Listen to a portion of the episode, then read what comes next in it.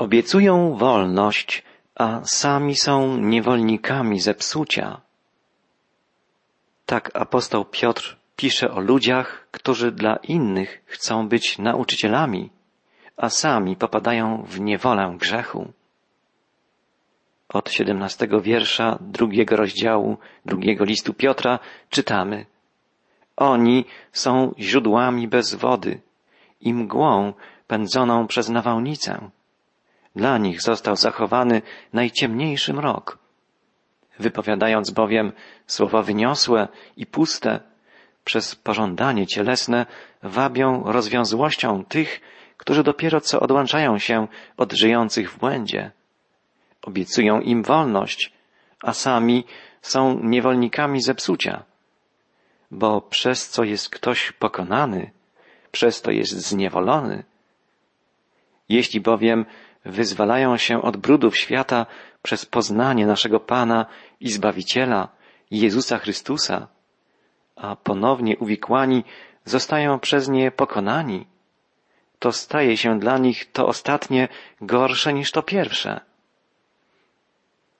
Lepiej byłoby dla nich, aby nie poznali drogi sprawiedliwości, niż po jej poznaniu odwrócili się od przekazanego im świętego przykazania. Przydarzyło im się to, o czym słusznie mówi przysłowie. Pies powrócił do swoich wymiocin, a umyta świnia do tarzania się w błocie. Piotr używa mocnych słów. Demaskuje bowiem złych ludzi, którzy zwodzą innych. Są podobni do studzien bez wody, do obłoków targanych przez wiatr. Wyobraźmy sobie podróżnika na pustyni, który słyszy o niedaleko położonym źródle, które może zaspokoić jego pragnienie, ale po przybyciu znajduje tylko suche i bezużyteczne miejsce. Wyobraźmy sobie rolnika, który modli się o deszcz i nagle pojawia się chmura, która jednak nie daje spodziewanych opadów. Nauczyciel bez wiedzy jest podobny do studni bez wody. Ludzie ci są podobni do chmury, która nie daje deszczu. Podobni są do pasterzy, których głodne owce patrzą w górę i są stale głodne. Obiecują Ewangelię, a nie mają nic do zaoferowania głodnej duszy. Ich nauczanie to kombinacja zarozumialstwa i próżności. Apostoł Piotr ostrzega przed nadużywaniem wolności jako osłony zła. Fałszywi nauczyciele oferowali wolność, ale była to wolność do czynienia źle, do popełniania grzechu. Przemawiali oni nie do najlepszej, ale do najgorszej strony osobowości człowieka. Piotr wyraźnie stwierdza, że postępują oni tak, ponieważ są niewolnikami własnych porządliwości. Być niewolnikiem samego siebie to najcięższa ze wszystkich niewoli powiedział już w starożytności Seneka.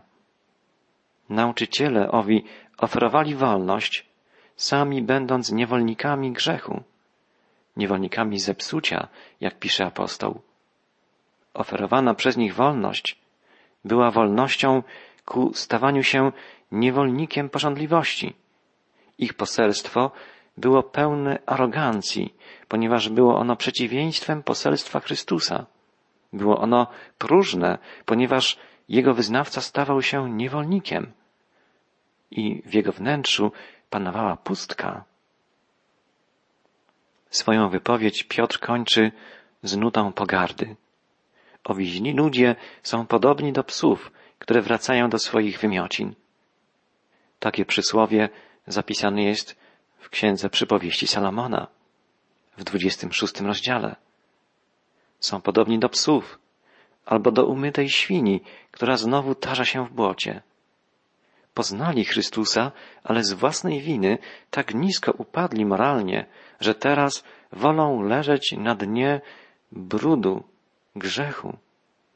Wolą leżeć w bagnie zła. Niestety człowiek może tak zaplątać się w sidła grzechu, że w końcu stanie się podobny do brudnego zwierzęcia, tkwiącego w błocie tego świata.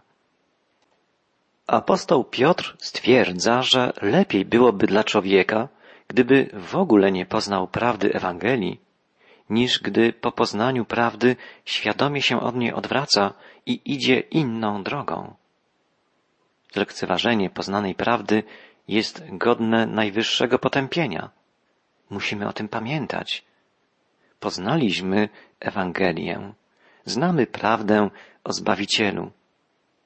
Jakie to wywołuje zmiany w naszym życiu? Czy fakt, że wiemy o Chrystusie, wpływa na nasze postępowanie, na naszą codzienność w sposób trwały, konsekwentny?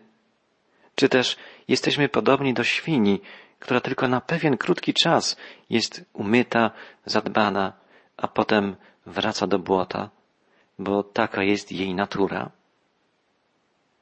Pewien misjonarz ułożył opowieść opartą na historii syna marnotrawnego. Jednak zmienił przypowieść opowiedzianą przez Jezusa w sposób zasadniczy. Otóż w czasie wielkiego głodu to nie syn postanowił wrócić do domu ojca, lecz jedna ze świń, które jadły z nim ze wspólnego koryta. Świnia została przyjęta w domu ojca z honorami, została dokładnie umyta, ubrana w piękne szaty, brała udział w ucztach, w normalnym, codziennym życiu, ale po pewnym czasie zniknęła. Odnaleziono ją w chlewie, utytułaną w błocie. Powróciła do chlewu, bo pozostała świnią. Nie zmieniła się jej natura. Nie było dla niej miejsca w domu ojca. Drogi przyjacielu, jeśli chcemy przeżyć prawdziwą duchową przemianę, musimy zrozumieć, że stanie się tak tylko wtedy, gdy Bóg obdarzy nas zupełnie nową naturą. Musi narodzić się w nas prawdziwa natura Bożego dziecka.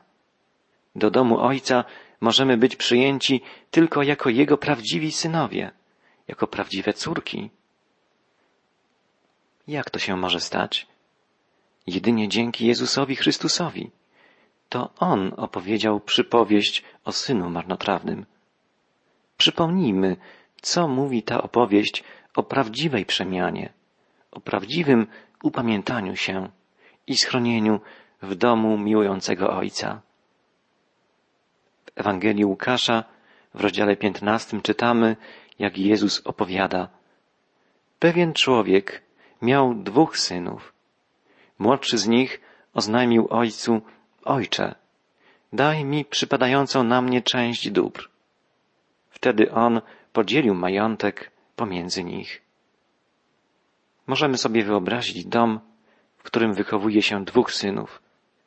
Jest to dom wspaniały, bowiem jest obrazem domu naszego niebiańskiego Ojca. W domu tym panuje radosna, pełna miłości atmosfera. Ojcem i Panem domu jest sam Bóg. Bóg ma więcej synów, ale tych dwóch to przedstawiciele różnych grup ludzkich. Młodszy z nich, czytamy, oznamił ojcu, Ojcze, daj mi przypadającą na mnie część dóbr.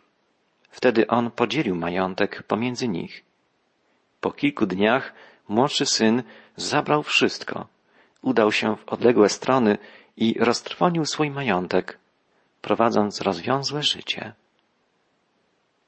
W tym cudownym domu, gdzie było wszystko, czego może pragnąć człowiek, miłość, radość, bliskość ojca, dostatek, młodszy syn podejmuje niezwykłą decyzję.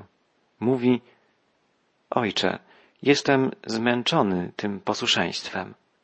Nie lubię dyscypliny. Chcę rozwinąć skrzydła. Przyglądałem się pastwiskom poza naszym ogrodzeniem. Wydaje mi się, że zieleń traw jest tam o wiele bardziej soczysta. Chyba zawsze tak jest, że nie potrafimy sobie docenić tego, co mamy. I wydaje nam się, że gdzie indziej ludzie mają się lepiej. Ten młody człowiek wyglądał z okna i pomyślał, gdybym tylko mógł się stąd wyrwać i ułożyć sobie życie po swojemu, byłoby cudownie. nie czuł się już w domu dobrze. Jego więź z ojcem została zakłócona.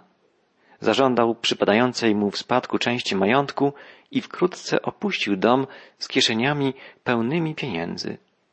Odjechał w dalekie strony. Tu moglibyśmy wyrysować obraz nie tak bardzo dalekiego kraju, gdzie dostępne są dla każdego, kto ma dużo pieniędzy, wszelkie uciechy tego świata. Młody człowiek hulał, bawił się, kosztował na krótko przyjemnego smaku grzechu. Pan Jezus nie wymienia tu żadnych szczegółów. Możemy domyślać się jedynie, jak postępował, co robił młodszy syn. Dzisiaj z pewnością odwiedziłby nocne kluby, kasyna, otoczony gronem przyjaciół i przyjaciółek, pomagających mu z powodzeniem w trwonieniu pieniędzy. Nadszedł dzień, w którym sięgnął do kieszeni i natrafił na pustkę. Kiedy stracił wszystko, nastał w tym kraju wielki głód, a on zaczął odczuwać niedostatek. W trudnej sytuacji znalazł się nie tylko on, ale i ów daleki kraj i wszyscy jego mieszkańcy. Tam, gdzie trawa wydawała się tak soczysta i zielona, teraz wszystko wysychało. Nastał wielki głód. Młody człowiek musiał szukać pracy, żeby przetrwać. Trudno jest jednak znaleźć pracę, gdy cały kraj żyje w nędzy. Z pewnością odszukał kogoś ze swoich przyjaciół i zapytał, pamiętasz, jak hulaliśmy razem z tymi pięknymi dziewczynami? Zapłaciłem wtedy wszystkie rachunki. Teraz skończyły mi się pieniądze. Czy mógłbyś mi coś pożyczyć? Albo może mógłbyś załatwić mi jakąś pracę? Skończyły ci się pieniądze? Przykro mi, ja też nic nie mam.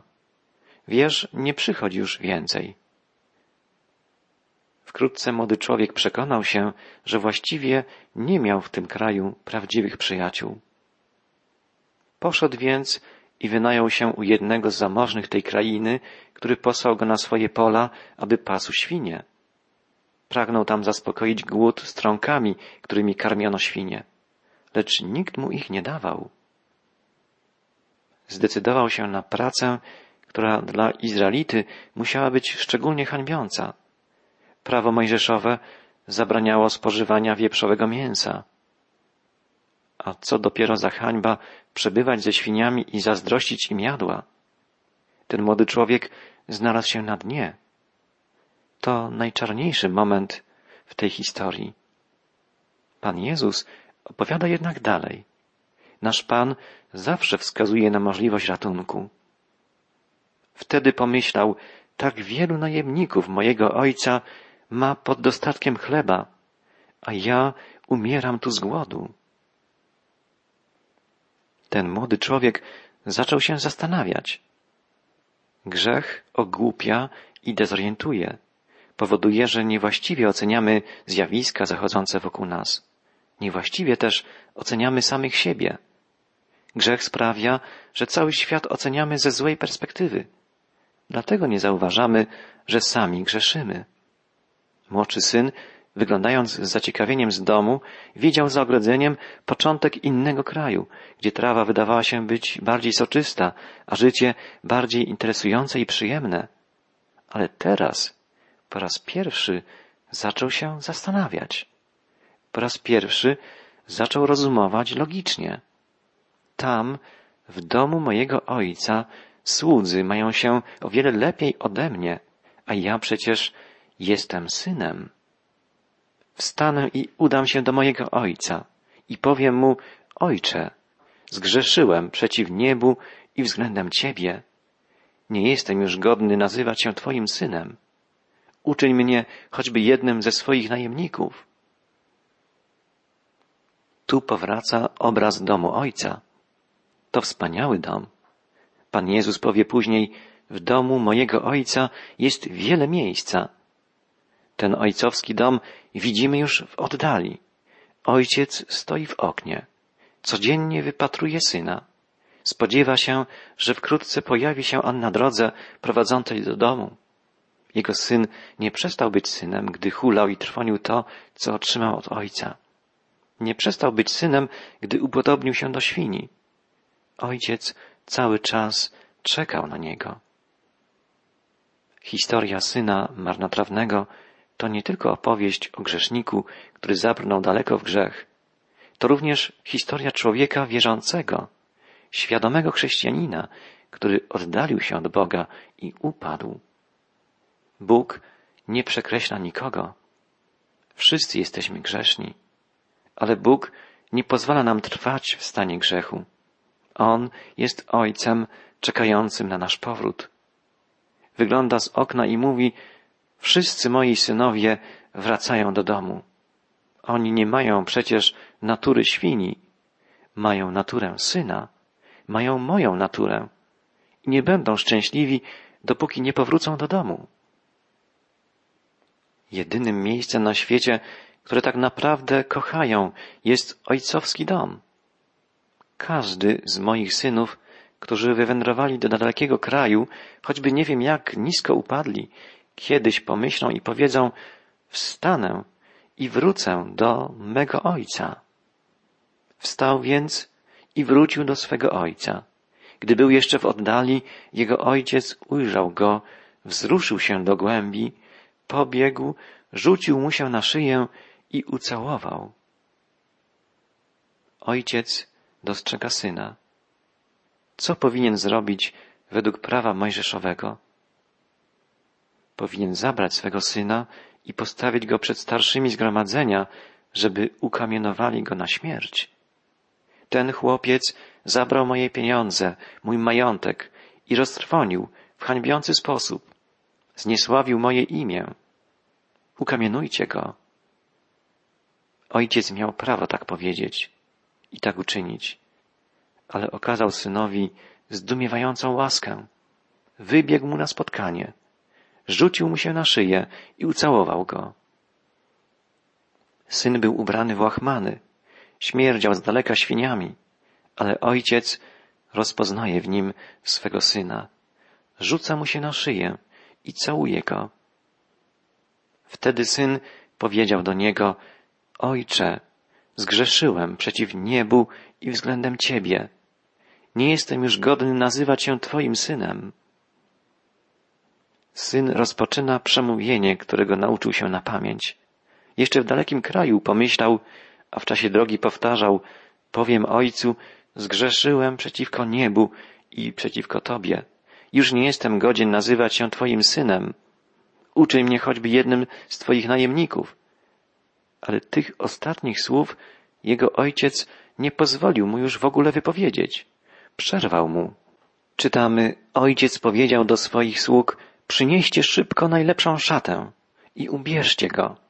Dajcie mu też pierścień na rękę i sandały na nogi. Przyprowadźcie tłuste ciele, zabijcie, zjemy i będziemy się radować. Ten mój syn był bowiem martwy, a ożył. Zaginął, a odnalazł się. I zaczęli się cieszyć. Drogi słuchaczu, jeśli jesteś synem niebiańskiego Ojca, nadejdzie taki czas, że przyjdziesz do Niego i powiesz, Ojcze, zgrzeszyłem. Nawet jeśli długo przebywasz w dalekim kraju i robisz rzeczy o wiele bardziej atrakcyjne niż wypasanie świń, nie jesteś szczęśliwy. Nie zaznasz spokoju, dopóki nie postanowisz wstanę i pójdę do mego Ojca. Czy zwróciłeś, drogi słuchaczu, uwagę na to, w co przyodział marnotrawnego syna witający go ojciec? Powiedział, ubierzcie go w najlepszą szatę. Po obmyciu przywdziano go w czystą, piękną szatę. Biblia uczy nas, jeśli wyznajemy swoje grzechy, wierny jest Bóg i odpuszcza nam grzechy i oczyszcza nas z wszelkiej nieprawości.